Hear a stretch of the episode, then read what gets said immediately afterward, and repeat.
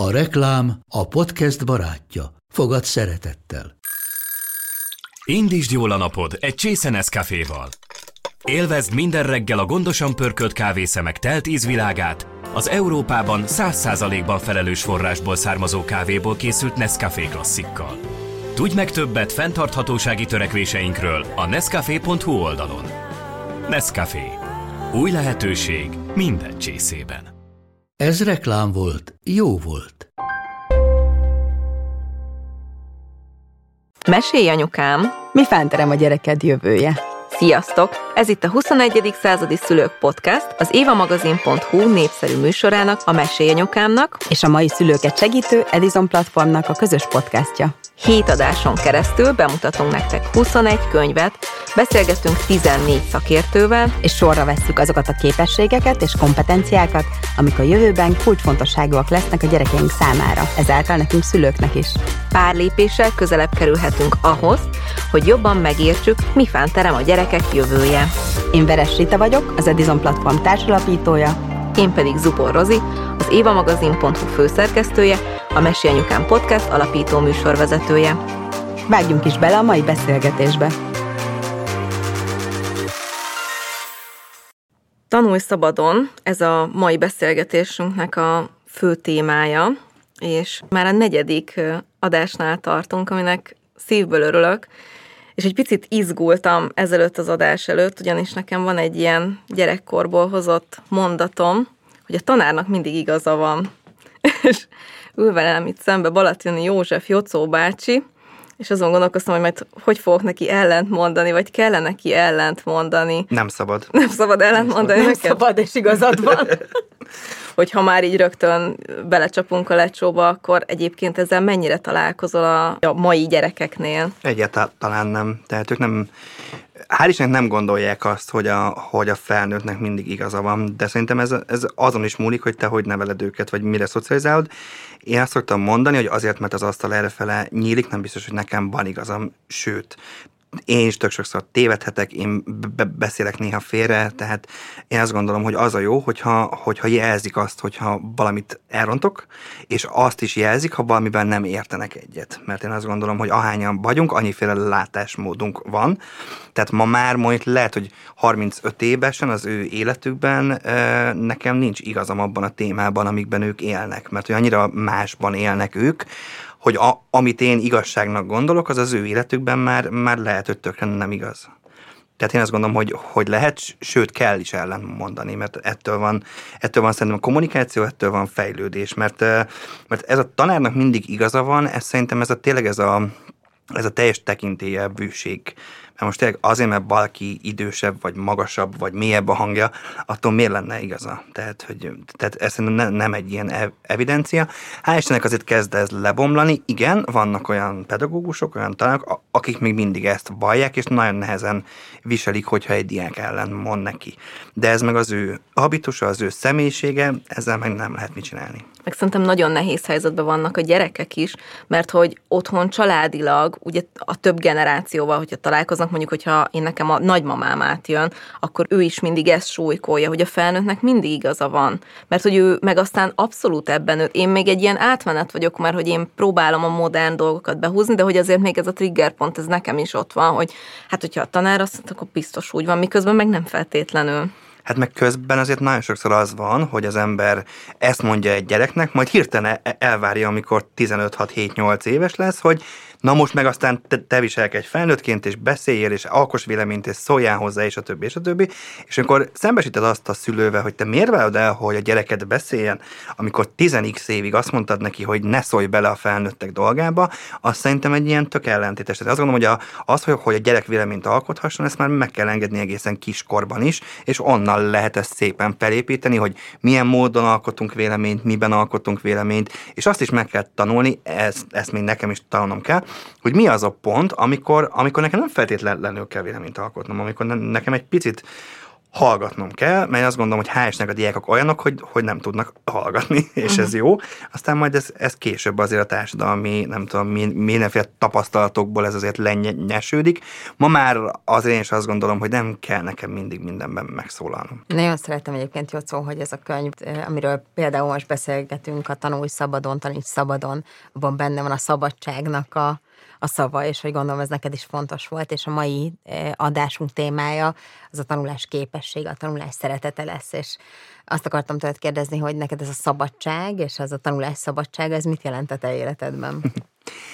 Én azt jelenti nekem az én életemben pedagógusként, hogy, hogy mindenféle módszerrel, mindenféle módon, mindenféle úton eljussak, akár én a tanulás útján. Én azt gondolom, hogy a tanulás sem nem lehet ilyen, ilyen exaktul megfogalmazni. A tanulás az, hogy mert, mert azt, hogy most leülök és elolvasok egy könyvet, ez tanulás vagy nem tanulás. Kimegyek az erdőbe és megfigyelem az állatokat, az tanulás vagy nem tanulás. Leülök egy jót beszélgetni egy emberrel, az tanulás vagy nem tanulás. És én így értelmezem a szabadságot is például a tanulásban, hogy az bármi lehet. És bármiből tudunk tanulni, és bármiből tudunk fejlődni. És nagyon fontos lenne, hogy az oktatás is e felé menne, hogy a gyerek szabadon tanulhasson oly módon, hogy, hogy ne, ne üljön hátatett kézzel, és ne mindenkinek ugyanazt kelljen tudnia egyszerre ugyanúgy kórusban, mint ahogy mi nőttünk fel. Emlékszem arra, hogy nem tudom, a János Vitézt, ezt egyszerre kellett mondanunk kórusba, hátatett kézzel állva, de persze, és akkor ezt tudták ilyenkor érvként felhozni, de hogy emlékszel a János Vitéze? Emlékszik a franc. Tehát nagyjából az első verszakot tudom, hogy most a Kopálszitik sarja az a Toldi, a másik meg a János Vitéz, vagy fordítva. De hogy alapvetően, alapvetően azt gondolom, hogy a szabadság az valahol ott kezdődik, hogy a saját egyéni dolgaimat is figyelembe véve, meg a diákok egyéni érdekeit és egyéni dolgait is figyelembe véve, mert nem tud mindenki ugyanarra az időre megtanulni egy ugyanolyan hosszúságú verset, vagy ugyanannyi évszámot, mm. vagy ugyanolyan matematikai képletet, és ez a fajta szabad útkeresés, hogy például én, hogyha nem boldogulok egy diákkal, amikor már 50 egyszerűen magyarázok el valamit, és nem, nem megy át az info, akkor megkérem a többieket, hogy ma- magyarázzák el, és amúgy baromi sokszor elsőre megérti, azért, mert ő mondta el neki tök máshogy. Tehát én valahogy így értelmezem ezt a fajta, ezt a fajta szabadságot. Én amúgy sem szeretem a kötöttségeket, tehát ez, mm. ez nekem egy örök problémám, ezek a fajta, fajta ilyen nagyon dogmatikus kötöttség, de, de szerintem ez gyerekkoromból jön valahonnan, hogy ez a iskolai ünnepségre makkos cipőbe, fehér zokniba, fekete nadrágba, fehéringbe, hózántrógerrel kell menni, Ugye én nagyon kis faluban nőttem föl, tehát ott még, még, még inkább megvoltak ezek a dogmák, hogy mit, hogy, mikor, hogyan illik, meg hogy kell és aztán egész életemben be ez ellen küzdök valamiért, vagy ez a lázadás akár, vagy szabadság, ezt nem mindenki döntse hogy ez micsoda. Az annyira durva, hogy mennyi ilyennel találkoznak a gyerekek, meg hát mennyi ilyennel találkozunk aztán felnőttként, mi, mert hogy felnőttként tudunk először úgy igazán változtatni ezen, de mondjuk már a saját gyerekeinknek van lehetősége korábban. Most egy tök érdekes példa, hogy mondjuk a, amikor beáll a hideg, akkor kötelező egy óvodába, tudjátok, az ilyen overall felvétele, és az én középső gyerekem ilyen olyan forró vérű, hogy egyszerűen me- megpusztul szegényként benne. És volt egy délután, amikor ráadták, és mentem érte, és sírt, és mondta, hogy de anya, fel kellett venni, mert azt mondták, hogy olyan hideg van, hogy fel kell venni, és levettem, levettem róla, és folyt róla. Mm. És mondtam neki, hogy hát a gyerek mondta, hogy neki melege van, nem kell ezt felvenni. Vagy ilyen példa, hogy a reggeli, ő nem reggeli zős típus és mégis, és ugyanez van a tanulással is, meg az érdeklődési körre, hogy egyszerűen annyira még mindig ott tartunk, hogy ilyen tucat gyerekeket akarunk nevelni, nem? Hát mert, mert, mert azzal könnyebb bánni. Hát akkor, ha, ha mindenki ugyanúgy gondolkodik, meg ugyanúgy viselkedik, akkor, akkor mindenkinél ugyanazok a problémák lesznek. Ez az alapfeltevés gondol mennél. Nálam ilyen a leves. Én szinte szerintem évente egyszer eszem le- leves nagyjából, mert gyerekként mindig kellett mhm. levest, bármi volt, levest azt enni kellett, mert az nem tudom miért, de hogy kell. És ugyanez van, hogy uniformizáljuk a gyerekeket, mert azzal sokkal könnyebb bánni hogyha engedjük, hogy mindenki önmaga legyen, ott már kihívás pedagógusként az, hogy akkor hogy igazodik ő a tananyaghoz, hogy igazodik a többiekhez, hogy igazodik én hozzám, én hozzájuk.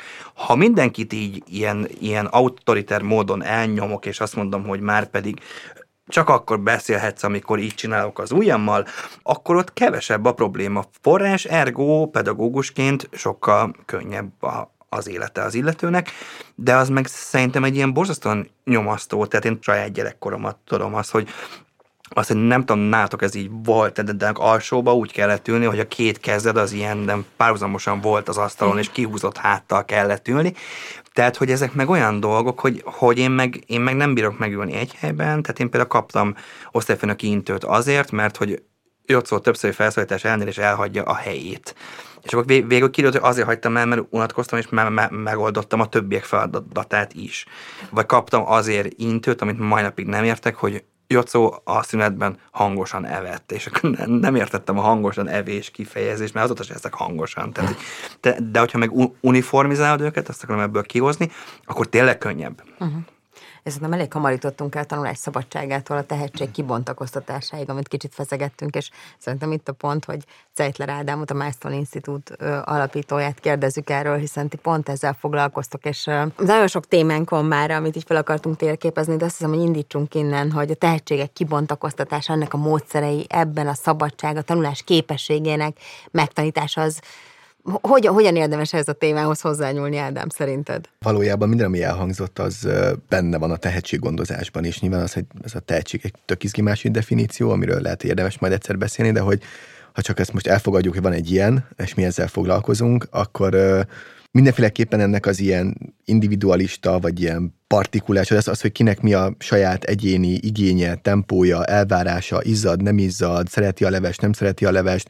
ezek nyilván nagyon-nagyon fontosak a, a, a felnövekedésben, és ha egyetértünk vele, vagy nem, de van egy társadalom az iskola után, amelyik pedig tesztek, pontok, felvételi interjúk, felvételi tesztek a cégekhez, és a orvosi életemre csak a példánál maradva. Tehát, hogy így utána pedig jön egy másik világ. Az a kérdés, hogy mennyire tudod őket felkészíteni arra a világra is, ami amúgy van, és nem teremteni egy mesterséges világot, ahol az van, amit csak te akarsz, és csak a te mérésed alapján történik a gyereknek az egyéni önkifejezése, úgyhogy ne nyomd el, és ne csak arra készítsd fel, hogy tesztek meg pontok jönnek. Ha elhagyod a tesztek pontokra való felkészítést, akkor az életben való sikernek az esélye lecsökken. Nem mindenkinél, csak mindig azokat a példákat emeljük ki, amikor valaki zseni és megtalálja, amit akar. Százból kettő ilyen van, 98 pedig vagy szörnyen hangzik, de kvázi deviáns, vagy elveszik a társadalomban, mert nem tanulja meg az együttést a társadalommal. Tehát ezért van az, hogy az oktatásnak kettős feladata van, most olyan korban élünk, hogy jobban démonizáljuk a, az uniformizáló hatását. Volt, amikor ez fordítva volt, tehát amikor a, az volt kiemelve, hogy milyen jól beleszocializálja őket ez majd később az életbe azért kell levest tenni, mert a só és a folyadék bevitelnek egy tökéletes módja alapvetően, és megtölti hasad annyira, hogy ne zabáljál sokat, nem tudom, zsírt és szénhidrátot. Ez ki lett találva egyszer, aminek az a módja, hogy a gyerekeknek az egész, óvonéni megengedi egynek, hogy levegye a cuccot, kettő kedvet kap, de a kettő tüdőgyógyásos lesz, mert nem melegvérű. Neki egy olyan döntést kell hoznia, mert melegvérű biológiailag, de hogy nem olyan forróvérű, mint a gyereked. Tehát ilyen szempontból neki egy döntést kell hoznia, hogy 30 gyerek egészségét kockáztatja, én is tudom, az óvodások, nekem is van olyan gyerekem, ha egynek kedve van levenni, akkor ötvennek kedve van levenni a felsőjét, vagy azt mondja, hogy egynek az izzadását beáldozza annak, hogy nem lesz három tüdőgyulladásos.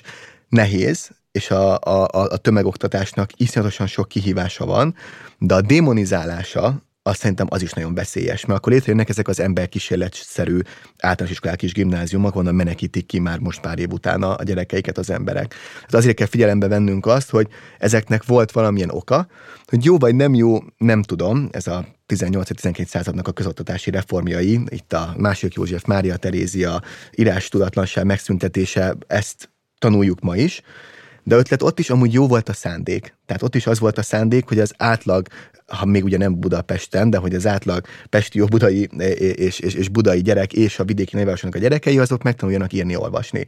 Az alapvető szándék az ez volt. Nem tudták megcsinálni azt, hogy mindenkivel leül egyenként egy tanító, muszáj volt kitalálni a legkisebb rossz 20-30-50-100 gyereknek.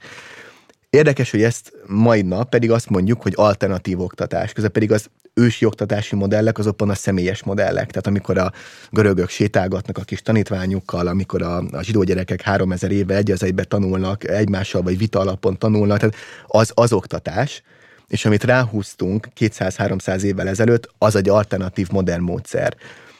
Nem gondolom, hogy a, a, a kettő egymást ki kell, hogy zárja, mi a milestone is abban hiszünk, hogy van egy olyan rész, amikor le kell ülni és meg kell tanulni. A szerves kémiánál bocsánat, de talán igaza van. Tehát kevésbé érdekel az, az, az, az, az, az hogy a dihidrogénoxid a gyerek szerint igen vagy nem víz.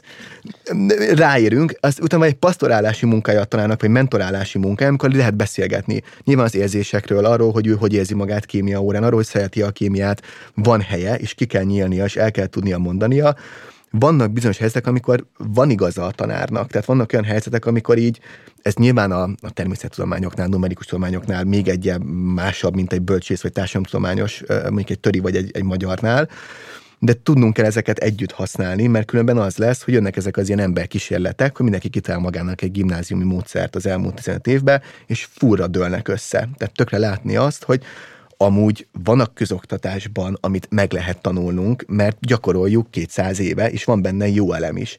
És igen, a, nagyon nehéz kilógni belőle. Tehát borzasztó lelki traumákat ad, aki a leves nem szereti, vagy megizzad, annak tök nehéz trauma, de a rendszer maga nem a gonoszságából ilyen, hanem a legkisebb közös többszörös elve miatt ilyen a rendszer. És ezt szerintem nagyon fontos látnunk, és meg kell adni a helyet a közös tanulásra. Mi ezt úgy csináljuk, hogy vannak szemináriumok, ahol együtt tanulnak, és, és beszélgetés van, és van egy az egyben tanulás is mentás, amikor egy tanára, vagy professzora, vagy egy ilyen peer, tehát egy ilyen másik fiatal diákkal együtt tanulsz az egész fogja megadni azt, hogy valaki sikeres lesz. Úgyhogy én azért vagyok kicsit óvatos az ilyen radikális, ö, ö, ö, ilyen, amikor mindenki poroszos, meg, meg megöli a innováció, nem tudom, ez nem egészen igaz. Nagyon sok kreatív fazekasos gyerek van, az árjelbe teszem hozzá, tehát hogy nem, nem, nem, nem megöli a pácaiból is zseniálisan jó tudósok és innovatív emberek kerülnek ki, ezek nem gyilkosok ezek a versenyistárok. Nem is egyébként, ugye most ne, ne, persze erről a témáról nehéz úgy beszélni, hogy ne a rendszerről is beszéljünk, ez teljesen a mesélyezésbe jön, de hogy közben amit próbálnánk jobban kibontakoztatni a beszélgetésbe, az valóban a tanulás képessége, a, a, az élethosszú tartó tanulása, hogyan tudunk úgy rátekinteni, és én nagyon örülök, hogy behoztad azért a tudományoknak a szerepét, mert azt azért sok helyről, helyről hallom én is, hogy de hát minek kell ezt megtanulni, amikor már minden tudás fölmész a Google-be, kikeresed, és akkor három perc alatt megvan a válasz arra, hogy mi a víznek a képlete, vagy a bármi, és minden mellett meg nagyon fontos, hogy ne, az, ne azt kövessük el azt a hibát, hogy tényleg elmenni abba az irányba, hogy hát akkor nem kell megtanulni, mert majd a gyerek kitalálja, hogy mik szerintetek azok a, tehát ez a tudományos alapokat hogyan érdemes lefektetni. Mik azok a nagyon fontos és stabil alapok, amiknek meg kell lenni ahhoz, hogy aztán utána lehessen rá építeni a saját egyéni kibontakozást, képességet, az individuum mikor jön el, hogy na, akkor én erre most építve kitalálom azt, hogy én miben vagyok De jó. én pont azt becsülöm abba is, ahogy ott vagy ahogy, ahogy, ahogy te tanítasz, vagy hogy a módszertant alkalmazod arra a területre és azokra a gyerekekre, akikkel szemben vagy. Tehát ez kb. az ilyen kulcsa. Tehát ez egy ilyen tök fontos elem, hogy nagyon másképp tanítasz, ahogy beszéltük kémiát, és másképp vagy osztályfőnök és töri tanár. Tehát ez, ez két radikálisan különböző módszertan. Az egyik az egy személy alapú, önkifejezés alapú, ki mit érez, elős pasztorálási elem van benne, a másik meg egy teljesen más tényanyag átadási módszertan. Ilyen szempontból azok a, nyilván az az iskola, amelyik azt mondja, hogy itt semmit nem kell fejben tartani, az sem teljesen igaz, és Nyilván ez, ez meg már nem belemenve, ez meg fejlődés lélektan, hogy melyik van egy olyan időszaka a embernek az agyának, amikor edzeni kell, mint a testet is, hogy most mindegy, hogy János Vitéz, kovalens kötés, mit tudom én, a lényeg az, hogy, hogy, hogy memorizálsz, tanulsz, és egyszerűen fejlődik a, tehát az, a, az agyad, az agykapacitásod, a neuronhálózatod egyre jobb lesz attól, hogy fejben tartasz dolgokat. Ez tény, oko, most nem okosabb, ez egy nagyon fura szó, de hogy egyszerűen jobb, jobb szellemi kapacitásod lesz, hogyha te tanulsz az, hogy azt a konkrét dolgot, hogy min keresztül tanulsz, az tök izgalmas. Lehet ezt az egész ilyen, majd menézem a Google-be, szerintem a szorzótábla tök jó példa. Tehát azt mindig be kéne írnom, hogy 5 5 és egy pillanat is előveszed és menézed, amikor visszakapsz, vagy a bankba berakod a pénzedet, nem, a szorzótáblát be kell magolni, az élethez muszáj. és vannak még ilyen dolgok egy pár, ami, amit így meg kell csinálni. Jót tesz neked az élethez, és még egyszer mondom, szerintem a memoritereknek van értelme, tehát ha csak mondom azt nézzük, hogy a, a, az, az agyadnak a fejlődése szempontjából van értelme a memoritereknek, nem az az értelme, hogy te időskoladban használni fogod. Az értelme, hogy akkor ott kialakul két képességet, hogy koncentráltan tudsz figyelni, ami az életben szerintem tök fontos, egy párkapcsolatban, gyereknevelésben minden fontos, hogy oda tudsz figyelni a másikra, ami szerintem tök jó A másik pedig az, hogy sokkal könnyebben veszel föl tudást később, tehát megtanulsz tudást elsajátítani. De még egyszer mondom, én sem tartom, lehet nem a János, hogy ez a legjobb módszer. Lehet, hogy a gyereket jobban érdeklő témákat kéne memorizálni, memorizálni nem tudom, repszövegek, fogalma sincs, öreg vagyok, nem tudom, mit szeretnek a fiatalok. De, hogy, de hogy, hogy, hogy, hogy alapvetően amit szeret, azt tanulja meg. Nekem mindegy, hogy mit, de ne hagyjuk ki azt, hogy fejben tart dolgokat, mert az egy nagyon-nagyon fontos utolsó dolog, biztos ismertek azt a film példát, amikor ők ugye mindig kísérleteznek az, hogy mi működik, mi nem, akkor 70-es években azt mondták, hogy is klaviatúrával fog mindenki írni, és akkor a kézelírást elkezdik kivezetni, vagy tanulnak inkább géppel írni. Ez egy kísérlet volt, és a tesi tanárok szóltak, hogy nem tudnak labdákat elkapni a gyerekek. Hogy annyira megszűnik a, a finom motorikának a fejlődése, hogy egyszerűen nem tudnak megfogni kerek dolgokat, mert a, a, a kezükkel nem, tehát egyszerűen nincsen finom motorikai fejlődésük. Ez azért nagyon fontos, mert ugye gyorsan reagáltak és visszavezették, de ez pont azt jelenti nálunk is, hogy értenünk kell, hogy ezek egymásra épülő készségek és képességek, és ha kirángatunk egyet belőle, mostantól ne tanulsz semmit meg a fejeddel, elképzeld, hogy ez a generáció full képtelen lesz egyetemre menni, és mondjuk most ma adok már igen többször az orvosi példánál, ott tényleg tartsa basszus fejbe azt, amikor kinyit valaki. Ott nincs ideje googleözni, hogy, hogy, hogy, hogy, hogy, hogy mi történik. Ezer másik ilyen szakma, és ezer másik van, nem kell ez. Tehát tök fair, hogy nem mindenkinek van erre szüksége azt meg meghatározni, hogy mik az, az alapok, azt, hogyha egy matematikus kérdez, akkor le, le, lehet, hogy ő a deriválást is az alaphoz csatolja, hogyha egy történelem tanált, akkor azt fogja mondani, hogy minden évszám az alap. Kicsit itt tök érdekes, amit az Ádám behozott, hogy, hogy maga az agykutatás, ez mennyit fejlődik, és hogy ez a neuronhálózat kiépülése, hogy az ember agyában ez ilyen 8-10 éves kor között a legintenzívebb ezek a neuron összekapcsolódások, és a legjobb kutatások bebizonyították, hogy 18 és 20 éves kor között ez szétesik. Tehát pont abban az időszakban, amikor te érettségizel, felvételizel, és a többi, és a többi, mert hogy a gyerek agy szétesik, és bebizonyították, hogy a neuronhálózat, ezek az összekapcsolódások, ezek teljesen szétesnek, és újra kell, hogy épüljön. Tehát, hogy például az érettségi az egy baromi rossz időpontban van. És hogy nagyon érdekes az, hogy, hogy mennyire követi, vagy tudja követni mondjuk az oktatási rendszer a kutatásnak a fejlődését, mert azért ez az egy sokkal gyorsabb történet. Én nem is a masszív alapokat mondanám, hanem a határokat. Tehát szerintem az a legfontosabb, leginkább, tehát minél kisebb egy gyerek, annál pontosabb, mert nagyon sokszor összekevelik a leszéfer nevelést a liberális neveléssel. Tehát a leszéfer nevelés az én szerintem ártalmas. Mert ott nincsenek keretek, ott a gyerek eldönti, hogy hogy amúgy ő délben eszik csokit, és majd nem tudom én mit csinál, és amúgy leül matematika órán, vagy nem. Nekem erre egy nagyobb, nem mondom ki, hogy melyik iskolában lévő módszertanról van szó, nem akarok megbántani senkit, de elkezdtem tanítani olyan gyerekeket, akik en, ebből a módszerből jönnek, és a helyes írásuk az nulla.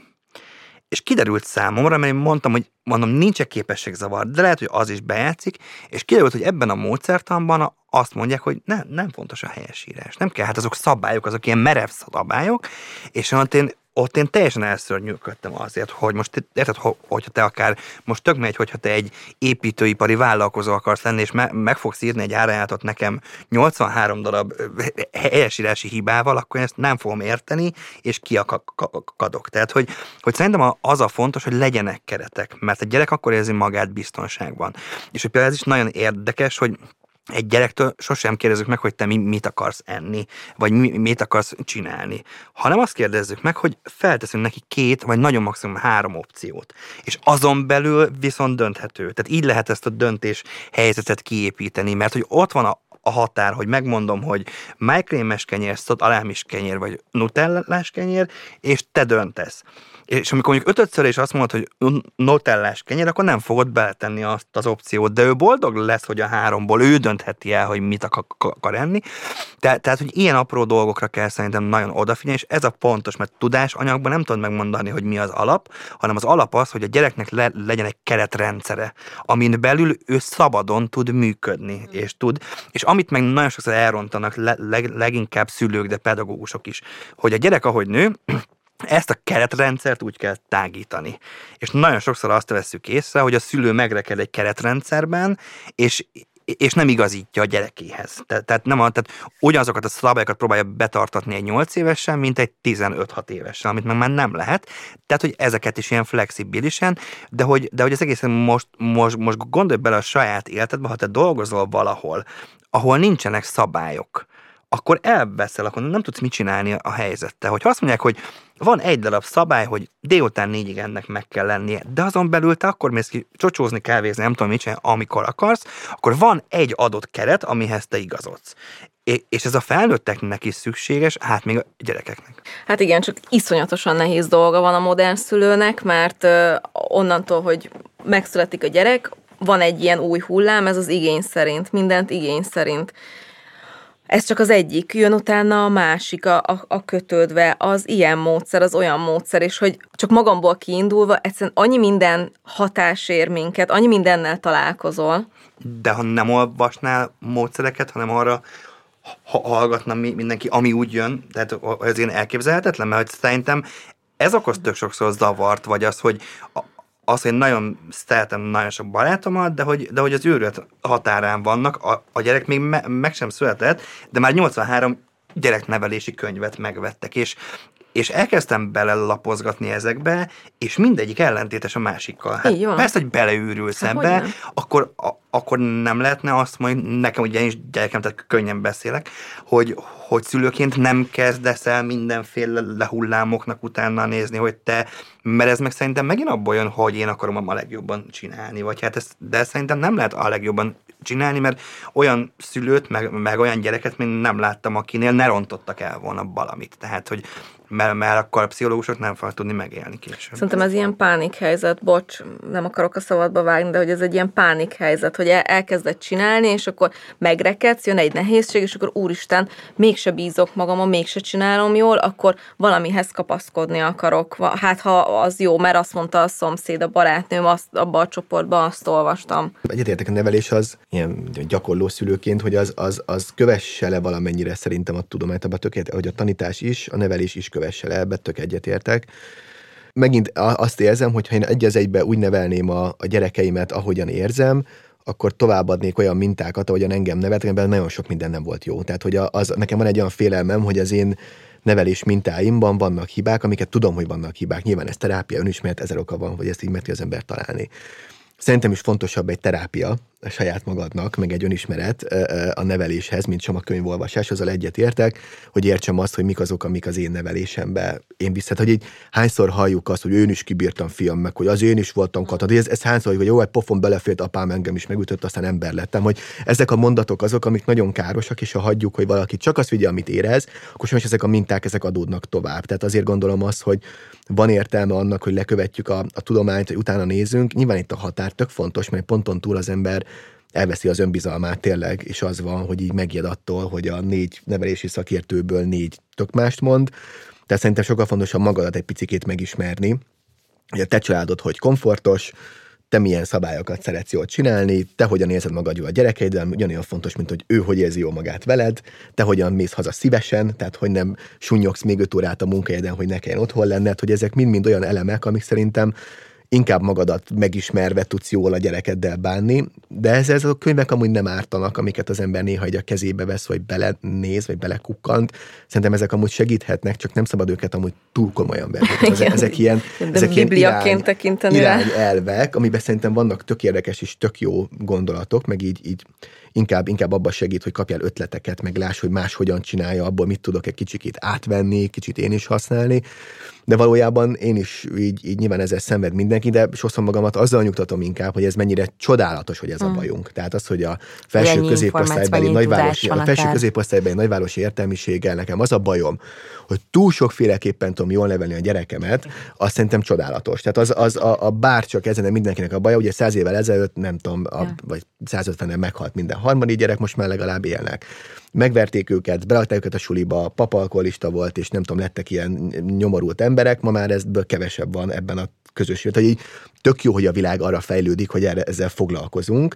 Nekünk nyilván, tehát hogy én ezt inkább úgy élem meg, hogy tök jó. Tehát mennyire jó az, hogy nem biztos, hogy teljesen elrontott lesz a gyerekem, mert hogy is semmit nem tudok róla, bemegyek a gyárba, hazamegyek, megiszom az unikumomat, megberem őket, és akkor lesz, hogy ez tök jó, hogy ezen túl vagyunk a, a nagyon sokan a társadalomban. Tehát ezekkel már foglalkozunk, hogy terápia, gyereknevelési módszerek, gyereknevelési modellek, ez tök jó, hogy ez van. Tehát ez inkább, ha pozitívunként fogod fel, hogy végre van egy ilyen korunk, amikor ezzel tudunk foglalkozni, én sokkal boldogabb vagyok, de visszakanyarodva én azt gondolom, hogy a saját magadnak a megismerése az sokkal fontosabb első körben. Egyébként volt is egy külön adásunk erről, ez volt az első adásunk, ami a szülői ismeretről szólt Bojti Andival és Herner Dorkával, hmm. és akkor pont a szülői ismeret volt az, amire, amire az, e- amivel a legelőször kezdtük el azt, hogy egy 21. századi szülőnek mivel kell foglalkozni, és én is értem egyébként a bőség zavarát, de pont amit a Jószó is említett, hogy akár teljesen friss, tehát a tudomány valóban itt is annyit fejlődik, tehát akár a, az agykutatás, a neuronok, a hogyan alakulnak ki az idegpályák, a, hogyan működik a testünk, az agyunk, azoknak a rejtelmei az nagyon széles tárház, másrészt meg rengeteg-rengeteg információ, amivel izgalmas lépést tartani, és hogy az ember valóban melyiket szűri ki, meg melyiket alkalmazza magának, ez egy nagyon, nagyon jó kis kihívás, és gondolkozom, Ádám, hogy neked vajon mi volt a legfrissebb könyv, amit, vagy gondolat, amit olvastál, és így átszűrtél a szűrődön, és akár azt mondtad, hogy tök izgalmas, én ezt most nem építem be a szülői eszköztáramba. Nekem, nekem most pont a ilyen túl sok kortárs irodalom miatt én inkább régebbre szeretek visszanyúlni, tehát hogy az ember minimálisan egy-két holt nyelvet valamennyire olvas, akkor próbálom megnézni azt, hogy mik azok a 2000-3000 évvel ezelőtti oktatási modellek. Csak kíváncsi vagyok. Tehát, hogy így voltak-e ugyanezek a problémák, amik most vannak, és most nyilván ott arra beszélek, hogy akiknek volt esélye valamilyen tanulásban részt venni, tehát nyilván egy tök másik társamról, okorról van szó, tehát hogy nem az van, hogy közoktatás. De hogy ott például igen, egy görög filozófus hogyan tanítja meg a következő generációt a, a, a filozofálásra, vagy igen, pont amit említettem, a nem tudom, művészemtel szerinti első században, hogyan tanítanak egyszerre egy egész társadalomnyi, nem tudom, zsidó embert írni, olvasni héberül, ami ilyen tök különleges dolog. Tehát én azt, azt próbálom megérteni, hogy így mondjuk az elmúlt pár ezer évben ezek ilyen, a középkor az egészen sötét, tehát hogy érdemes elé menni ebben a, ebben a, e, e, azt egy oktatás. Hát nyilván ott van ilyen klerikális, meg ilyen, de vallás, hogy nyilván van ott is oktatás, de hogy teljesen más típusú. Tehát érdemes visszanyúlni, vagy én szeretek visszanyúlni arra, hogy így, és nem rá, hogy annyira azért nem különböznek a dolgok. Tehát tök érdekes az, hogy újra-újra felfedezzük ezeket a gyerekközpontú modelleket és én szeretek viszonyulni. Nyilván ott meg, amit nem alkalmazok ott, az meg nyilván a testi fenyítés része. Tehát, hogy ott azért ez még szervesen része a, a, az oktatásnak az, a, a, az ilyen testi fenyítés, meg az ilyen megalázások, az ilyen különböző módszerek. Tehát, hogy nyilván itt az nem egy PC-kor a időszámítás előtti időszak, de hogy az biztos, hogy, hogy nekem mindig nagyon meglepő és nagyon jól esik olvasni azt, hogy valójában ezen nagyon-nagyon régóta gondolkodik az emberiség.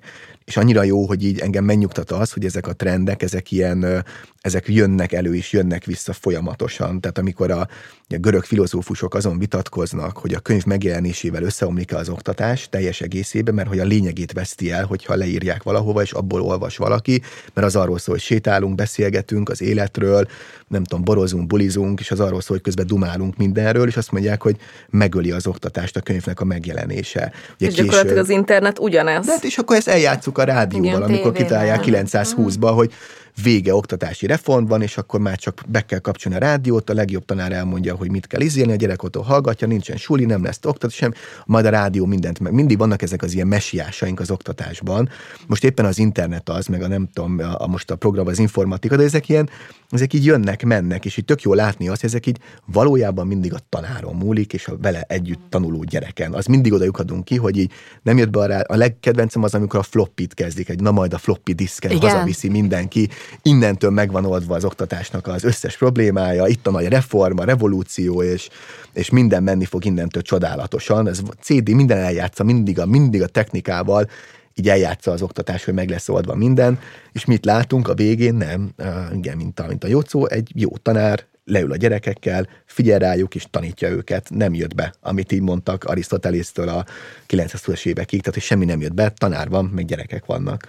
Egyébként, hogy már itt tartunk a technológiánál, hogy behoztad, azért mondtok egyet, hogy szerintetek miben, milyen jó dologban viszi ez most előre? Tehát értem, hogy ez egyszerre, hogy a mumus is, meg egyszerre messiás, amit ti láttok akár belőle ilyen saját meglátásként, hogy szerintetek miért mumus messiás, tehát hogy ami, ami, van, ami valahol ilyen nagyon kézzelfogható, vagy nagyon ilyen zsigeri érzésetek akár, hogy... Mumus az mindig azért mumus, mert nem ismerjük, tehát azért volt a rádió, meg nem tudom én micsoda, egy ilyen a történész énem és az egyház történész énem nem hagyja, középkor nem volt azért annyira sötét. Én Ez egy külön beszélgetés. Csak ezt szerettem volna jegyző. Az nagyon sötét volt a középkornak, de az egy... Egy, egy jegyzőkönyvben elmondani, a klerikális oktatással sokat foglalkoztam, és ezt Szeptem Márton Liberális és te, te, de abszolút értem, hogy, hogy az ókorhoz képest viszont egy nagyon-nagyon szabályozott történet volt ez. Ami viszont jó, tehát én azt gondolom, hogy, hogy nem szabad ördögtől való dolognak tekinteni az internetre, a különböző technikai eszközökre, a mobiltelefonra, a tabletre, mert nem tudod elkerülni. Elzárhatod tőle a gyereket, és akkor, amikor kiengeded az oktatási rendszerből, akkor orrod fog állni analfabétaként, digitális analfabétaként. Rengeteg baromi jó applikáció van. Számomra megdöbbentő módon, például gyerekekkel ókor, ókori Görögország, azt szoktuk csinálni, vagy, vagy többször csináltuk azt, hogy a reklámfilmeket forgatunk az ókori antik építészetből. De hogy egy ilyen telesoppos verzióban, mert, mert akkor közel kell kerül hozzá, és akkor az Akropoliszt kell neki eladnia. És ott helyben 45 perc alatt megírják a szöveget, leforgatják, és úgy megvágják a videót egy darab telefon segítségével, hogy régen ahhoz kellett egy tévéstúdió, és nem tudom én, 50 ember, és nem tudom hány ö, hétnyi meló ehhez. Tehát, hogy, hogy ebben, ebben viszont ők zseniálisak, és én imádok is tőlük például tanulni. Tehát én tök sokszor leülök melléjük, és nézem, hogy ők ezt hogy csinálják, mert én ezekben bénabb vagyok, és akkor megkérdezem tőlük, hogy akkor ezt magyarázzák már el nekem, vagy csak úgy, vagy csak úgy nézhessen, mert hogy fel már Andrásról beszélgettünk itt még a felvétel előtt, ő mondta azt, hogy az, az, az most a legnagyobb kor kihívása, hogy mostan először talán a történelemben az, amikor az idősebb generáció kell tanulnia a fiatalabb generációtól. Mert hogy mindig az volt, hogy minden tudást az idősek adtak át a fiataloknak, vagy legalábbis a tudást nagy részét. Most viszont ez annyira felgyorsult, hogy nagyon sok esetben nekünk kell tanulni, és ugye így jön be a képbe, hogyha már önismeretről beszélgettünk, hogy az egónk ezt mennyire engedi. Tehát mennyire engedi az én egóm azt, hogy én egy gyerektől tanuljam meg azt, amit hogyha nagyon leülök és neki dorálom magam, és órákat töltök otthon, akkor talán meg tudom tanulni, vagy oda megyek egy gyerekhez, aki 5 perc alatt magyarázza nekem. Én az el, előbbit választom, ne, nem csak ilyen magasztos elvek mentén, hanem azért, mert sokkal egyszerűbb és időigényesebb, kevésbé időigényes, mint az, hogy, hogy én most ennek utána né, nézek. Tehát tényleg ezek a rengeteg applikáció, a rengeteg lehetőség, és az, hogy meg tudod tanítani nekik azt, hogy ez nem a valóság. Mm. Azzal szoktunk játszani, hogy beütünk egy történelmi eseményt, vagy vagy egy évszámot, vagy egy bármit. És megnézzük azt, hogy ugyanarra hányféle dolgot ad ki.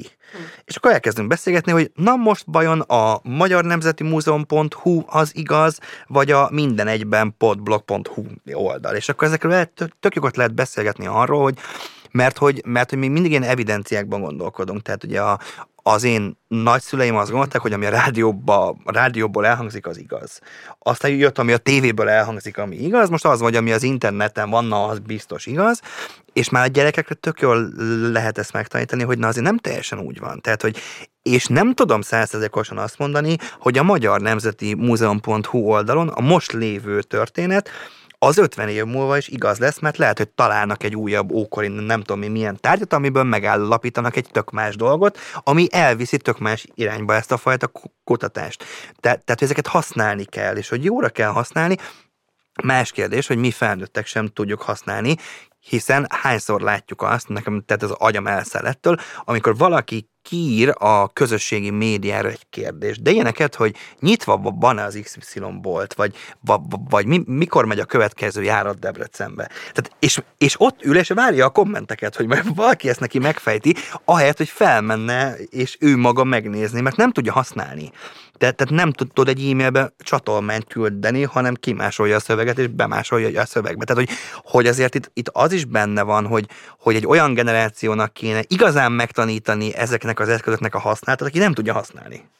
Igen, ráadásul ezzel az önbizalmukat is építed, amire tök nagy szükség lenne, mert hogy alapjából ezt látni, hogy azzal foglalkozunk, hogy miben nem jó a gyerek, azt kell fejleszteni, miközben lehet egy kicsit jobban kéne arra fókuszálni, hogy mi az, amiben jó, tehetséges, és azt nyilván a gyengeségeivel is foglalkozni kell, de hogy, hogy az, arra is odafigyelni, hogy mit érdemes tovább bontani. Én nem mélyen át kapcsolni, és tök egyetértek vele. Tehát szerintem is a technika egy eszköz, de mondjuk mi kevésbé használunk technikát, vagy minél kev, vagy ugye más mondom, nem annyira használunk technikát az órákon, ők maguknak, mint eszköz, viszont látom, hogy borzasztóan előveszik, és így, és így használják a feladatok megoldását, tehát hogy az ilyen fantasztikus, hogy így tényleg mindenre jó.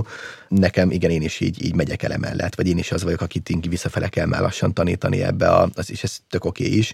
Én nem vagyok jó tanuló ebben, tehát hogy én nagyon nyakasan ellenállok, de egy, egy ponton túl így, így, így megfog, és így muszáj vele foglalkozni És rácsatlakozva arra, amit, amit ott is mondott, hogy valójában én is ezt, ezt látom, hogy azáltal, hogy mi egy másik adát fogtuk meg, hogy, a, hogy mi úgy tanítunk, hogy ilyen interdisziplinárisan, tehát hogy mindenféleképpen van egy, nem tudom, fogalom, és megérteni azt, hogyha azt mondja valaki, hogy most így nem elrontva hangot, még azt mondja valaki, hogy halál, akkor azt önmagában nem tudsz egy definíciót. Hogyha halálról tanulunk fél éven keresztül, megértik azt, hogy annak van egy biológiai definíciója. Annak van egy, egy nem tudom, egy antropológiai, hogy az emberek hogyan dolgozták fel az elmúlt, nem tudom, pár száz, pár ezer évben. Annak van egy erős ilyen pszichológia, nem, hogy olyan félsz tőle, vagy nem félsz tőle.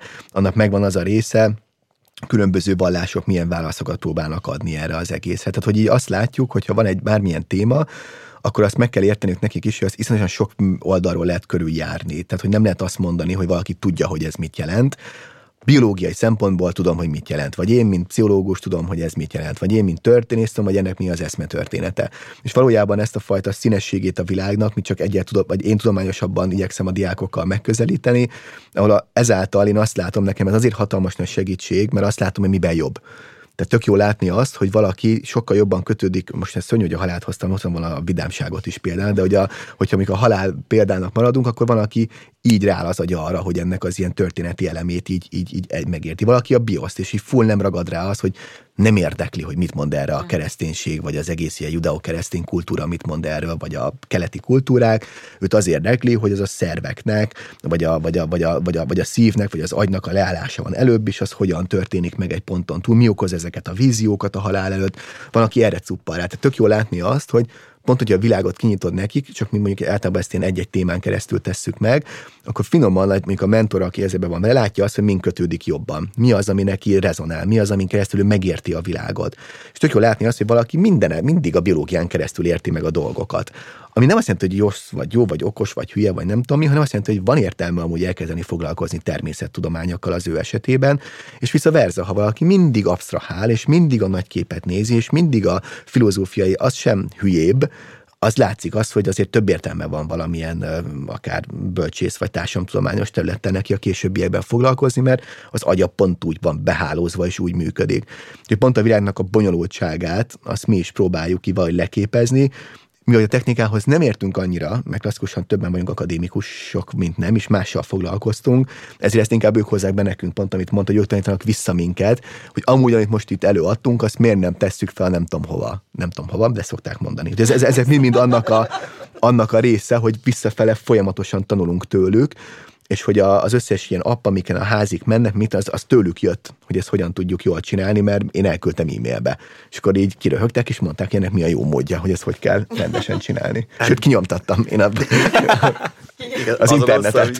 Igen, kinyomtattad az internetet, a Google-t kinyomtattad. Én a múltkor ö, döbbentem rá, hogy mennyire kaptam egy lapot, amin volt egy link kinyomtatva, és, ne, e, e, e, az ujjaddal.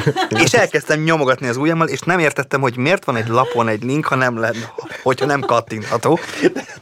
Ezért én tudok ilyeneket. De, de abban, amit Ádám mondott, szerintem az a, az a csodálatos, hogy a hajlandóság.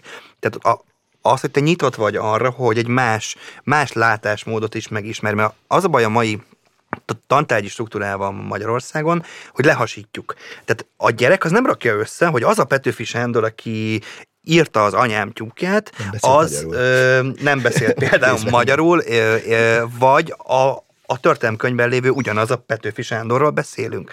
Vagy például én, én imádom e- ezeket a kortársakat összerakni, hogy, hogy ki az a fizikus, ki az az irodalmi mi, mi szereplő, ki az a ki, ki az a művészeti szereplő, aki egy helyen van, és nem tudja összerakni, mert azt tizedikben tanult a fizika órán, ezt meg nyolcadikba kémián, azt meg ötödikbe törén, és nem rakja össze ezt a fajta globális gondolkodást, amiről az Ádám beszél, mert szerintem ez tök jó, mert mert hogy tényleg, ha, ha felvetsz a gyerekeknek egy-egy témát, akkor annyiféle látásmód jön be, és hogy tényleg tökre le lehet szűrni azt, hogy ki az, aki, ki az, aki egy ilyen nagyon exakt gondolkodású, ki az, aki elvont gondolkodású a gyerekek közül, és hogy ki honnan közelíteni, és a haláltéma szerintem egy tök jó téma ebből a szempontból, amit behoztál, mert hogy annak annyiféle aspektusát lehet, és lehet, hogy valaki a zenén keresztül közelíti meg. Vagy például nekem egyből az jutott e-, eszembe, hogy a gyerekeket mindig az érdekli, mindig, ez az ős kérdés, hogy, tök mindegy, hogy kiről van szó, hogy de hogy halt meg.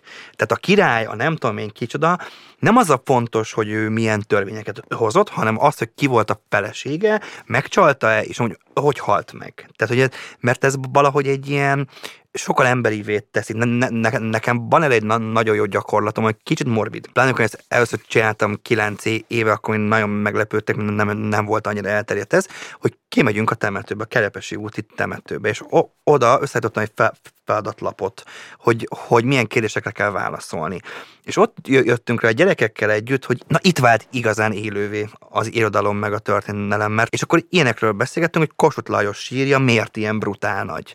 Ö, vagy az XY-nak a sírja miért ilyen kis eldugott. És akkor, ja, me, me, mert hogy ő abban a korszakban halt meg, a, a, amikor ő már nem volt kedvelt, vagy a Görgei Artúrt miért temettek tök más. Tehát te, nagyon-nagyon sok mindent lehet ezekből. Csak az a baj, hogy, hogy nagyon beszűkítenek a tantárgyak, és beszűkítenek maga, maga a tantárgyi elvárások. Tehát az egyetemeken is van interdisziplinaritás, de ott sem annyira. Én, én nagyon jó, nekem egy ilyen talán Sheffieldi példám van erre, ott az van, hogy egy-egy ilyen témát kapnak kutatási témának, és négy teljesen különböző szakról tesznek össze embereket. Tehát bölcsészt, egy, egy gazdasági jellemzőt, egy, egy művészt, és én nem tudom kicsodát, és azon a, abban a három hónapban ennek a négy típusú embernek kell együtt dolgozni azon a projekten.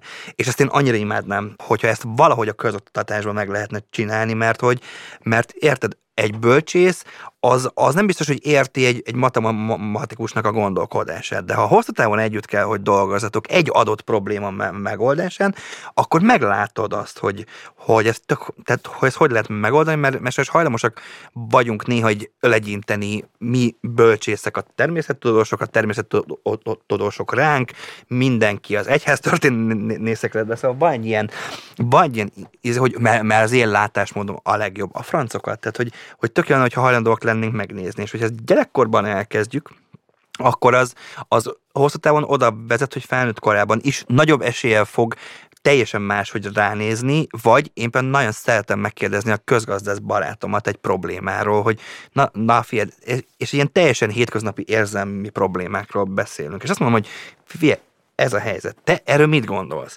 És oly, annyira más, hogy van behúzalozva az ő agya, hogy egy olyan látásmódot hoz be nekem a problémára, amire azt gondolom, hogy ja, hogy ez eddig ilyen egyszer volt, és én évek ott ez így járok pszichológushoz.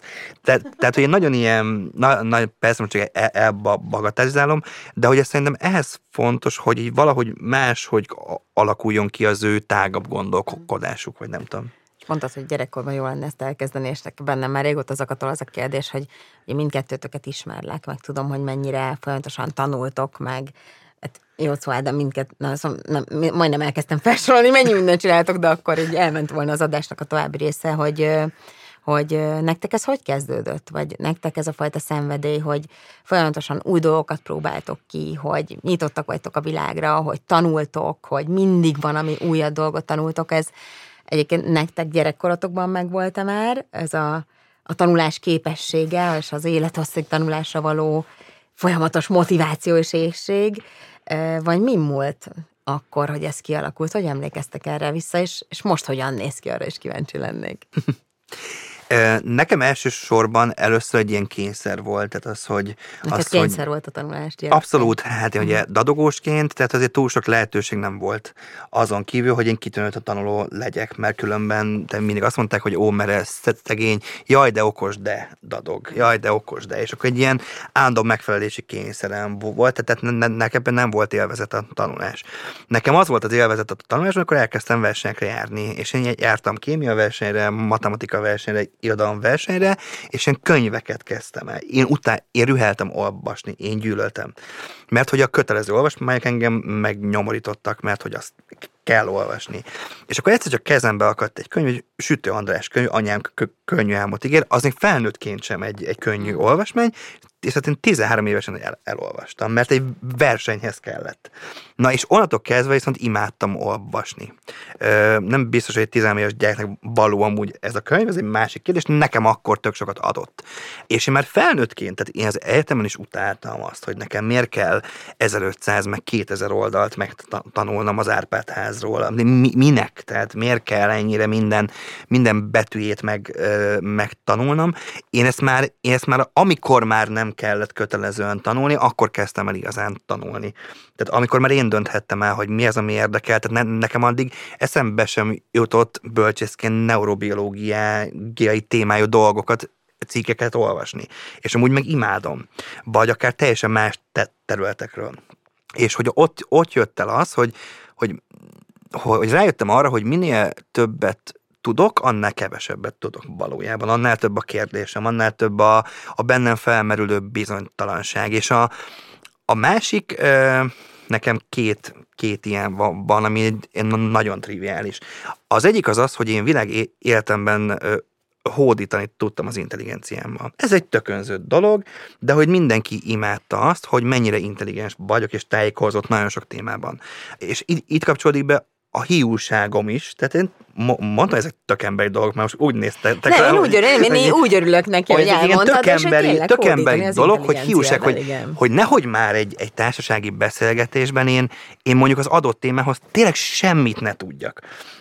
És például van olyan, nekem, nekem például én a csillagászat, tehát lö- lövésem sincsen. És akkor volt egy autista diákom, aki viszont csak arról tudott beszélni, és akkor egy ilyen át, át egy fél bírtam hallgatni, aztán összeköltöttem egy autista kollégámmal, és attól kezdve én csak az és szav, szavakat értettem belőle, a többit nem, de hogy, de hogy ez nekem igen, tehát gyarló vagyok, ember vagyok, tehát hogy egyrészt, e, egyrészt én azt vallom, hogy az intelligencia szexi, tehát én például nem tudok egy olyan nővel semmit sem kell kezdeni, aki nem intelligens, tök gyarló elnézést, tehát és hiúsági kérdés. És ez már felnőttként jött ez a fajta magammal szembeni igény, vagy elvárás, vagy nem tudom, de én gyerekként például nem szerettem tanulni. Hm. És egyébként most mit tanulsz, Jacó? Most milyen terület érdekel, vagy van-e valami olyan, ami...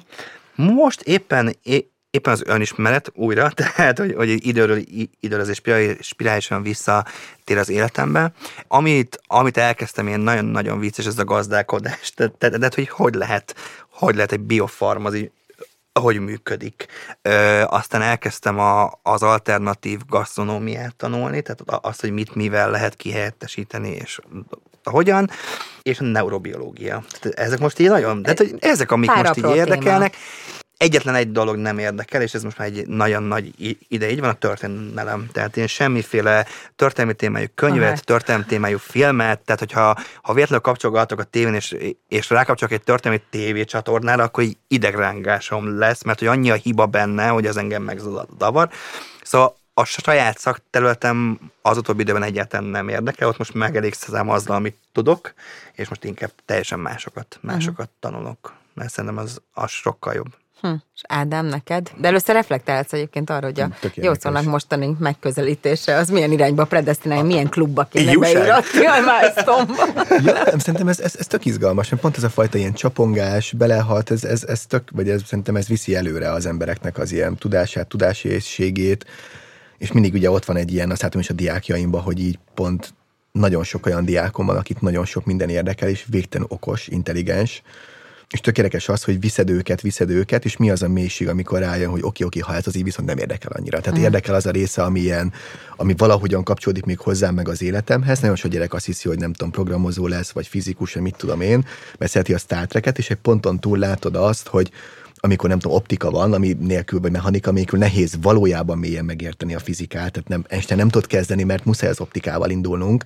akkor ja, hogy ez az így nem olyan izgi, akkor ezt inkább egy filozófussal ülök szembe, és nem egy fizikussal. Tehát ez egy, ez egy tök fontos feedback, hogy ő, egy, ő, egy, ő nem a, nem a, a mélysége érdekli, mert 40 éven keresztül fog kutatni, hogy eljusson oda, amit este nem lehet megérteni. Te nem leheted, az tíz ember érti a világon, 20.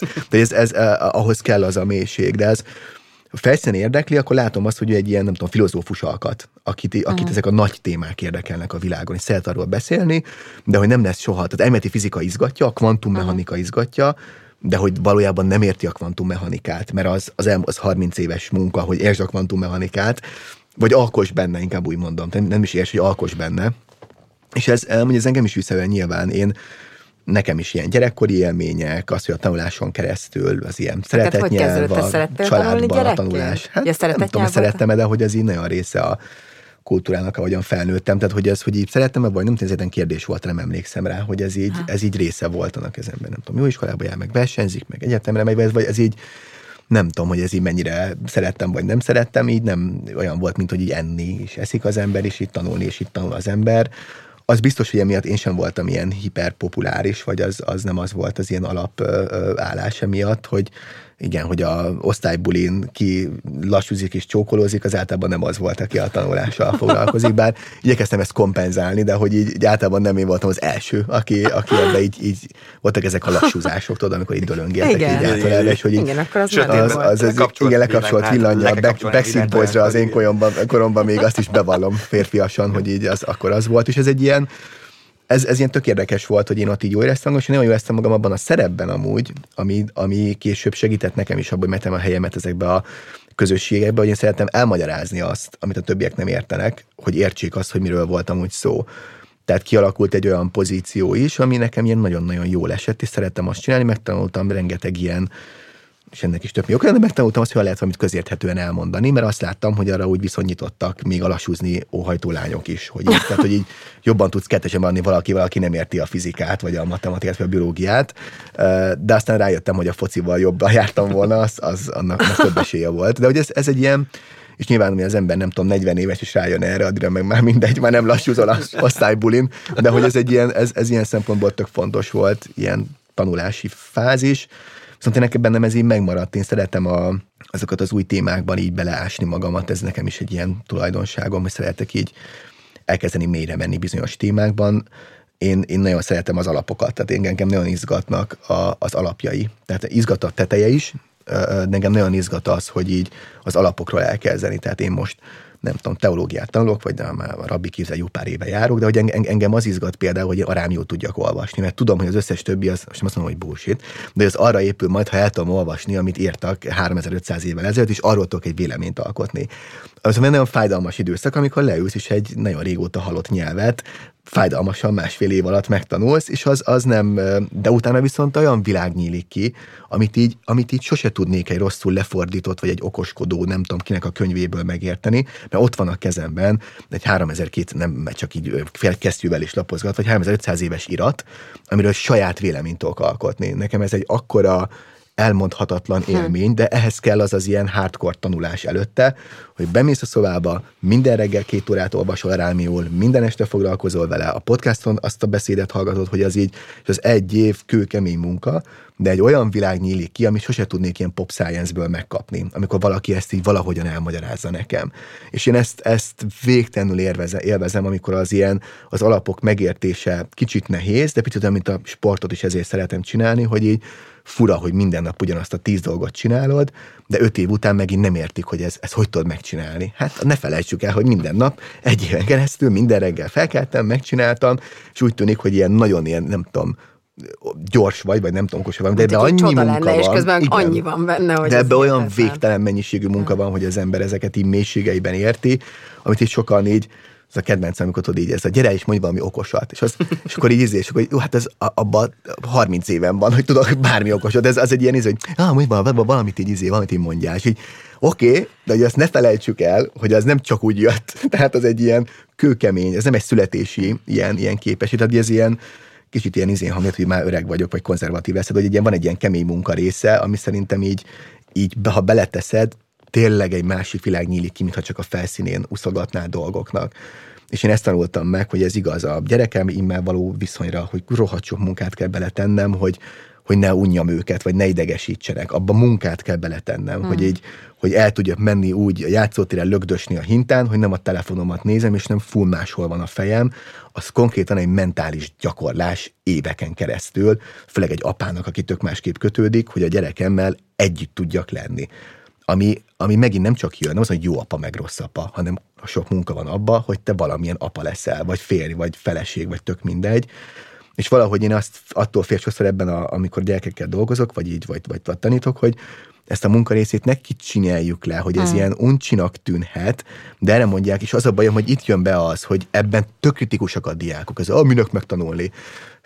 Amúgy van, hidd el, hogy van értelme. És nekem az a nehéz, akár a milestone is, meg a, a, hogy hogy csinálok kedvet ahhoz, hogy egy nagyon nehéz dolgot napi folyamatos kőkemény munkával megtanuljon, mert ez egy világot nyit ki neki és nem lesz az élete másképp. Tehát, hogy nem nagyon lesz az, ha csak nem valami szuper tehetséges valaki, de abból is van amúgy, a sajnos nem élettem, de hogy van olyan, aki tényleg így ráérez, vagy így, így, így megvan neki, és tökre irigylem. De hogy a nagy többség az általában olyan, mint, mint, mint, mint én, vagy így nagyon sokan, akinek így fáj, korán van, rosszul esik, nem jó felkelni, nem jó figyelni a kajálát, hogy ezek mind mindenek, amire, ami, ezek nem esnek jól. Senkinek nem esnek jól de minden egyes év olyan ajándékokat ad utána, amit így, így, így elmondani nem tudsz az életminőségedbe, és ez igaz a tanulása, igaz a gyereknevelése, igaz a gyerekeddel való együttlétre, igaz az önismeretedbe, hogy végtelen mennyiségű munka az, hogy magadat megismerd, és nem csak a pszichológián töltöd egy óra, hanem a pont az izgi, amit nem beletöltesz, és figyelsz magadra, az az izgalmas rész.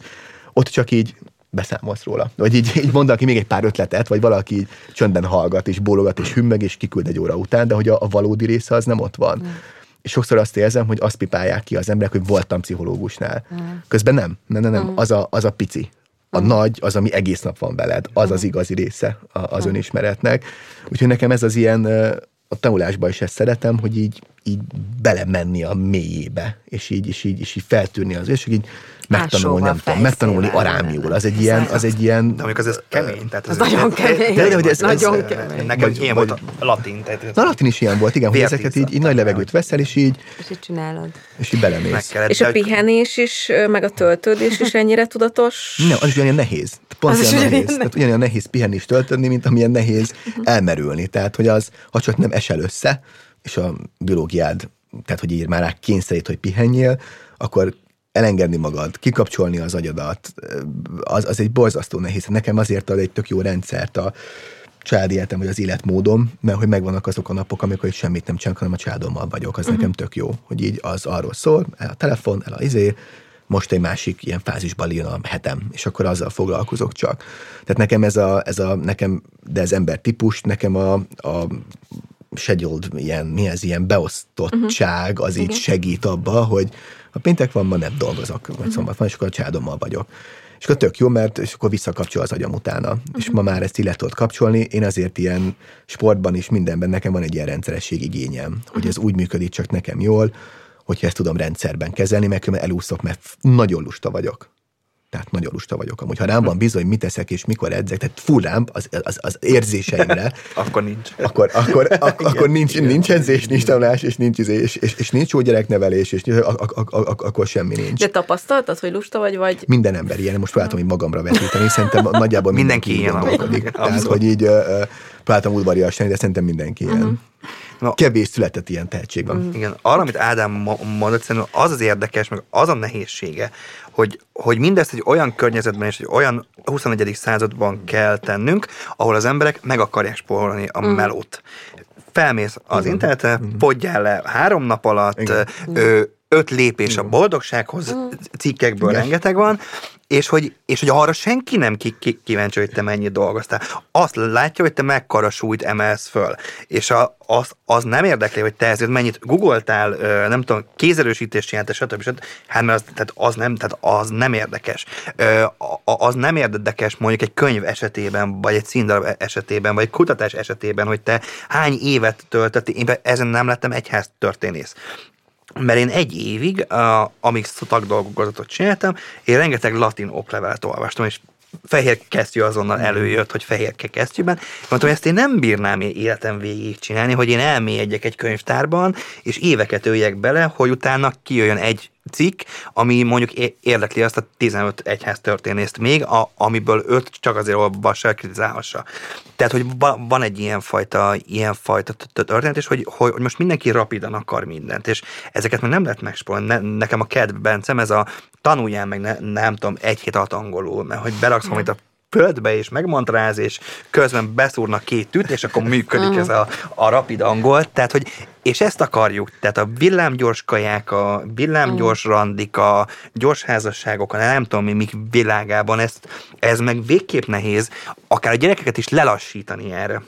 Hogy igenis, tehát ez most azért kell, tehát azért kell ennyire kőkeményen megtanulni a, ne, nem tudom, a feudalizmus rendszerét, mert hogy a következő 500 éves töri az erre épül, és hogyha mm. vissza... Hát, megérted azt, hogy ma mi vagy, mi, miben élsz. Mm. Így, Igen. fontosak ezek az asszociációk. Igen, és akkor, hogyha visszagondolsz, ha, ez, ha nincs meg ez a stabil alap, és akkor visszatérek nagyon korábbra, akkor az, a másik pedig az, hogy az, hogy szerintem a pihenés az a legnehezebb. Tehát én amikor elutaztam most nyaralni két hétre, szerintem, hogy három-négy nap volt, mire le tudtam állítani az agyamat. Tehát a, amire, amire nem az volt, és én megfogadtam, hogy nem dolgozom. És mondjuk azért, hogy mondjuk ne, nem tudom, hogy Ádám, vagy ti hogy vettek ez, hogy én két hétig ne dolgozzak, az előtti hónapban nekem hülyére kell dolgoznom magam mm. előre, utólag visszafele, nem tudom én hogy és három napig már, már tudatosan kellett arra figyelnem, hogy most már ne jöjjön egy ötlet, hogy már amikor majd hazamegyek, akkor azt meg fogom csinálni, és három nap kell, amit tényleg le tudok higgadni, de ehhez nekem e- egyedül kell lennem, és baromi messze.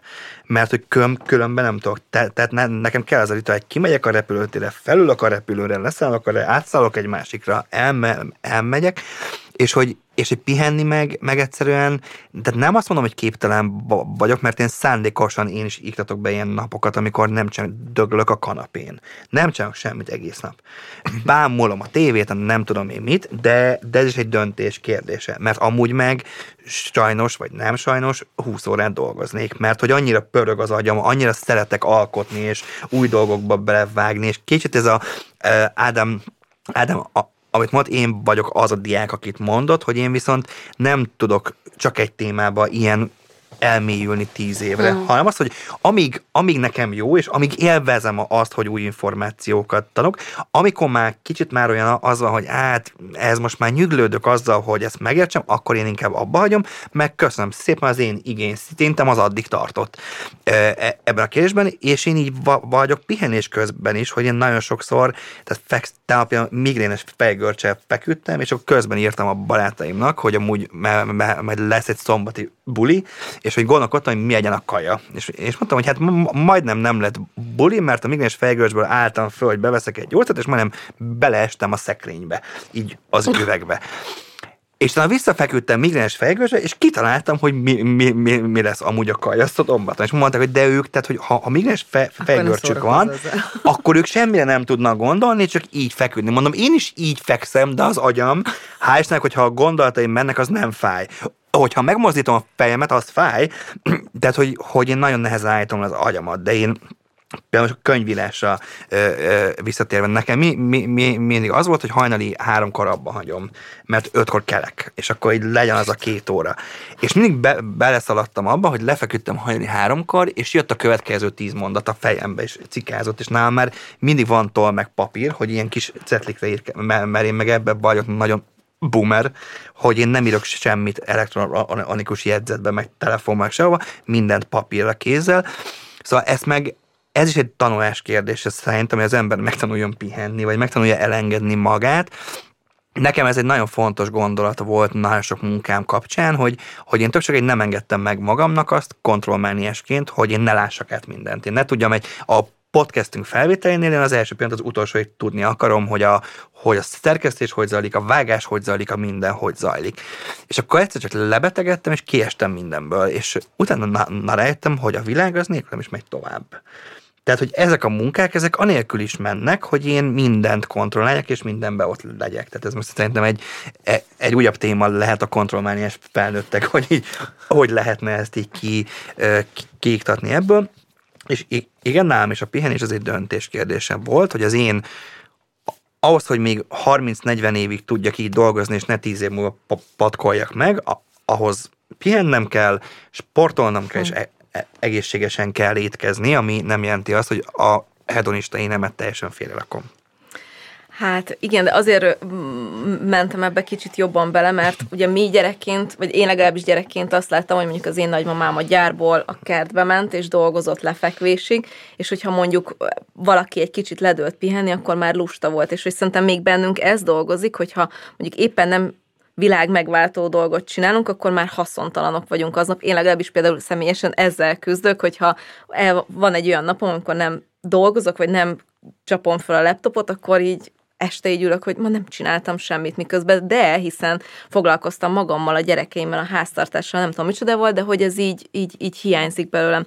De hogy azzal akarom párhuzamba hozni, hogy viszont mondjuk a saját gyerekeimnél az van, hogy ővelük próbálok pont emiatt kicsit ilyen visszafogottabb lenni, kevésbé szigorú. Őtőle nem várom el azt, mint tőlem, hogy én nekem nem tudom, négy-hat órát kellett zongorán gyakorolni, mert az apukám azt mondta, hogy addig nem állsz föl. Én sokkal megengedő vagyok a saját gyerekemmel, viszont ők meg belecsöppentek egy olyan világba, hogy nem tudom, fölmegy a YouTube-ra, és azt látja, hogy a Ronaldo az így izé focizik, de azt nem látja benne, hogy hány évnyi kemény munka van benne, hanem elkezd foci edzésre járni, és az első edzésen nem lőtt 13 gólt, és azt mondja, hogy anya, én ebben nem vagyok jó, inkább elkezdek valami mást. Ne ebben menjünk bele, mert hogy ez kb. egy külön téma, hanem inkább ezzel a kettő véglettel szeretném, hogy valami olyan mankót adjunk a szülők kezébe, így az adás végén, hogy ezekkel a nehézségekkel hogyan segítsék mégis a gyerekeiket ebben a tanulási folyamatban. Én például még egy dolog, én amikor csak tehetem, én alszom délután egy fél órát, egy órát, de, de, de akár 20 percet is, tehát én óvodába gyűlöltem, amikor, és meg te, te innen hazamegyek, és tudom, hogy az edzésig még van egy órám, amiből 20 percet alvással fog tölteni.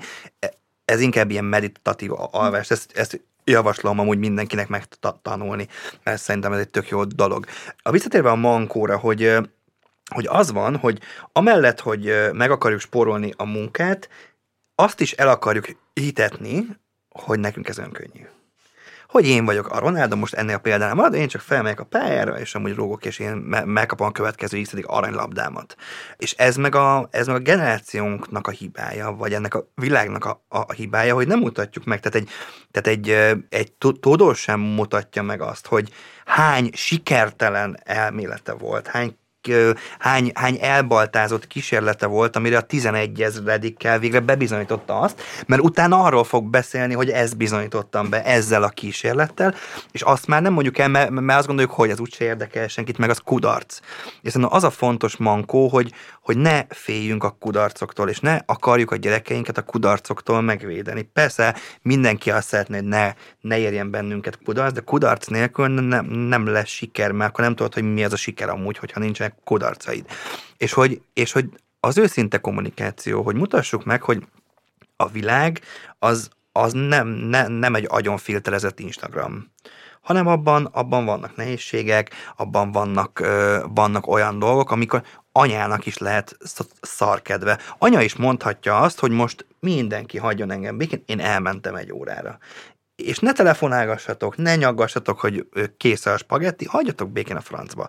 Tehát, hogy ez a fajta, nem tudom e, ezt hogy jól megfogalmazni, de az, hogy, de az, hogy legyünk emberek mert hogy te is azért mondod ezeket a dolgokat, mert a legjobbat akarod a gyerekeidnek, vagy, vagy, vagy leginkább amit nálad elrontottak, és te érzed, hogy amire, amire az Ádám beszélt az önismert kapcsán, hogy, hogy te tudod, hogy a te nevelésedben mit rontottak el, ezért van az, hogy a két generációnként általában visszatér a nevelés valamilyen irányba, mert hogy a, a te gyerekeid meg majd a te hibáid ellen fognak menni, az ő gyerekei meg az ő hibái ellen, tehát mindig van egy ilyen, ö, e, e, e, egy ilyen mágnes taszítás ebben a történetben. Tehát azt akarom kihozni ebből, hogy szerintem azt lenne fontos megérteni, hogy hibázunk, elrontuk, idegesek vagyunk, hisztizünk, és a többi, és a többi, de ezek mind emberi dolgok, mert hogy annyira tökéletesek akarunk lenni mindenben, mert ezt tolják az arcunkba, hogy az XY szülés után két héttel három gyerekkel pózolt az edzőteremben vékonyan. Na, te, te, tehát, hogy ezeket így próbáljuk a gyereknek is megtanítani, hogy, hogy az élet ez nem ilyen egyszerű, tehát nem arról szól, hogy ez például tök, tök jó példa, gyerekként ugye állandóan kint voltam a kertbe, és én imádtam a sült krumplit. De abban a pillanatban, vagy a gyöngyhagymát. Én imádtam az én apró gyöngyhagymákat. És azt mondta anyukám, hogy nagyon jó, de akkor te ülsz le meg pucolgatni, hogy abból savanyosság legyen.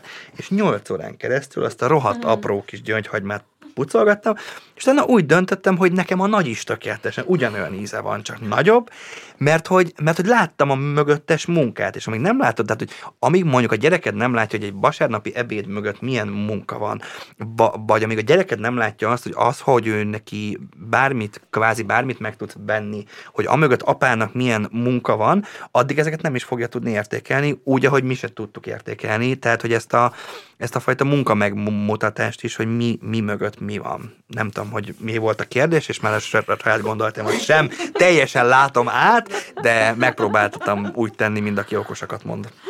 Szerintem ez fontos, Mankó. Nekem, nekem, ilyen, ilyen prakt, nekem az elmúlt 15 évben ilyen nagyon sok ilyen ö, megértésem volt, vagy ilyen praktikus meglátásom abba, hogy a, a milestone amikor jönnek a gyerekek és a szülők, rengeteget beszélgettünk velük, és így nagyon sok ilyen esettanulmány felhalmozásával azt kezdtem el, vagy azt kezdtük el mi is látni, hogy, hogy valójában a, most nem is az én, vagy a mindegy, tehát mondjában az én szém generációja az, aki a rendszerváltás után kezdett el minket, vagy a környékén kezdett el minket nevelni, nincs annyira messze amúgy a májszonos diákoknak a szüleitől ez a generáció, és azt látom, hogy valahogy az ilyen nagyon, mint kicsit lenyomott labda, hogy így ahogy a rendszerváltás után lehetett, nem tudom, nyelveket tanulni, magániskolába menni, Angliába menni, Amerikába menni, világot látni, zongorázni, hegedülni, nem tudom, vízilabdázni, tehát hogy a kapitalizmus hogy bármit meg tudok a gyerekemnek adni, külön óra hegyek indultak be, mozgásfejlesztés, rajzfejlesztés, ezek mind-mind beindultak, ott volt egy olyan ilyen anxiety, egy ilyen kétségbeesésszerűség abba, hogy ők nem kaphattak semmit, és mindent meg akarnak adni. Tehát az én például az egy ilyen nagyon érdekes, nekem személyesen nem annyira, de sokakor látom ilyen rák fenéje, hogy egyszerre kellett 160 külön órára járnia, mert hogy alapvetően a szülők hirtelen azt érzik, hogy ő nem, hogy nyelveket nem beszélt, örült, hogy az orosz mellett egy picit tudott angolt, valamit titkos, mi szabad Európán, meg beatlemezeken valamennyi angolt valahogyan szó szerint leírni, és azt, és azt érzi, hogy mekkora lehetőség, hogy a gyerekem csak így tud angolt tanulni egy két tannyelv, nem tudom, avodába. És akkor minden pénzéből pró eladott, nem tudom, mint hogy bele, ilyen helyekre bejusson. És akkor az látszódik a, a, ezen a generáción, meg, a, meg nagyon sok másoros diákon is, hogy valójában az az eleme, lehet, hogy a tezongrád is mi hogy az az eleme meg elmaradt, hogy nézni, mert nem ez tök jó. Amit bombázni impulzusokkal egy kisgyereket, azt szerintem fantasztikus dolog. Amit nem tanultunk meg hozzá nagyon sokszor, szülőként sem és tanárként sem, hogy nézzük a reakcióit. Tehát, hogy megérteni azt, hogy valójában melyik impulzuson milyen reakció születik meg. Mert az van, hogyha valaki a zongorázásnál sem élvezi a négy óra gyakorlást, ami a legnagyobb sikerélmény az összes hangszer közül, mert ahogy hozzád egy hegedűhöz képest, az egy, ha az sem szereted, akkor ne foglalkozz zenével, mert az annál kevés alap sikerélményt adó elem van, hogy te megszólaltad.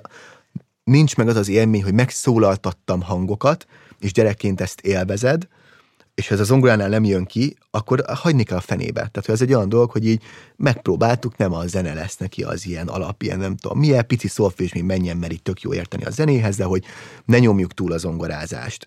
És az van, hogy a zongorát elkezdi élvezni, mert azt látom én szülőként, hogy a, a hangoknak a megteremtése, hogy zenét alkot, hogy lenyom valamit és megszület, és ez neki egy élmény, akkor nem négy, akkor hat óra sem para. Tehát akkor az az élménye van, hogy ebben megy előre. És szerintem azt kell szülőként nekünk megtanulni, és együttműködni ebben, nem tudom, tehetségozókkal, pedagógusokkal, mindegy, de hogy nézzük a reakciókat. Ez igaz a nyelvekre is. Van egy ilyen túlmisztifikált nyelvtudás, hogy mi, mi iszonyat mennyiségű nyelvet ráöntenek a szerencsétlen gyerekek, mint hogyha azon múlna a siker, és rendszerváltás előtt tényleg azon múlt. Tehát azt látták a szüleink, hogy aki makott angolul, az multiknál lett top vezető a 90-es évben, és azt hitték, hogy az angol miatt van ez. Részben angol miatt is volt ez. De azt látjuk, hogy ma Persze angol már mindenki megtanul, és azon után még ráteszel ezer nyelvet, ha gyerek nem szeret nyelveket tanulni, és nem erős benne, most miért stresszeljük még a némettel, meg a francia, hogyha biológus lesz, vagy így jó, jól beszél angolul, akkor hogy foglalkozzon abba a németre szánt időbe, és egy picit még biológiával későbbiekben. Tehát nekünk inkább az a feladatunk, hogy adjunk sok impulzust, és mint egy ilyen piramis, 17-6-8 körül kezdjen el szűkülni. Tehát, hogy amíg, amíg fiatalként, még az én gyerekeimnek is, igyekszem nagyon sok impulzust adni sportban, zenében, bármiben, de nézem azt, hogy ő hogyan. Tehát, hogy egy, imádom a nagylányomat, de nem a, remélem nem fogja visszahallgatni pár év múlva, nem a legtehetségesebb balettos, és így ő maga sem annyi. Szereti minden, hogy látom azt, hogy nem a balett képző lesz belőle. És az tök érdekes látni azt, hogy oké, okay, akkor abból visszábbeszünk, de azt látom, hogy iszonyosan tehetséges, még úszik, és imádja minden percét. Nekem feladatom a szülőként, hogy azt, ha nem is kivezetem, de leépítem, és elkezdem, hogy be van siker, és megy abba kicsit többet adni neki. És ami nagyon-nagyon nehéz, hogy ez sokszor szemben megy azzal, amit én elképzelek neki. Tehát ott, ott, ott van egy tök nagy ilyen törés, szülőként is, meg pedagógusként is, mert nekem is annyi tehetséges gyereket látok a milestone és dühít, hogy nem azt tanulja, amit én akarok. Mert, mert, mert olyan jó vagyok. Igen, van, és így dühít, hogy most, most, most, most miért megy fizikára, hát tök jó lett volna izé abban, amiben én tudok utána vele dumálni. Most nyilván ez a gyerekednél még sokkal nehezebb. Ha azt látod, hogy most az én esetemben nem tudom, sportoló lesz, akkor nekem azzal is szembe kell menni, hogy egy tök más karriert képzeltem el a fejembe a, a, a, a gyerekemnek, és nem, nem egy ilyen sportoló világot, mert attól félek. Mit tudom én ott, mi történhet fel, nem ismerem eléggé. Vagy szerves kémikus lesz, ülünk az asztalon, és nem fogunk tudni beszélgetni, hogy ő elmondja, mit kutat, én meg én a hagyhű mögök, és vagy hogy, hogy tökre félek attól, hogy valami olyanba fut bele, amihez én ne, amiben nem tudok kapcsolódni hozzá. És ez egy tök nehéz elem, hogy amikor ez a túl sok impulzus van a gyerek fele, akkor annak is teret adni, ami az én személyes elképzelésemmel a világról sokszor full szembe megy. Tehát, hogy teljesen szembe megy azzal, amit én csináltam volna, vagy ahogy én nevelkedtem. Szerintem ez egy tök jó tanács, egyszerűen csak, vagy én azt használom, és a másztom is azt használjuk, hogy egyszerűen nézni a reakciókat.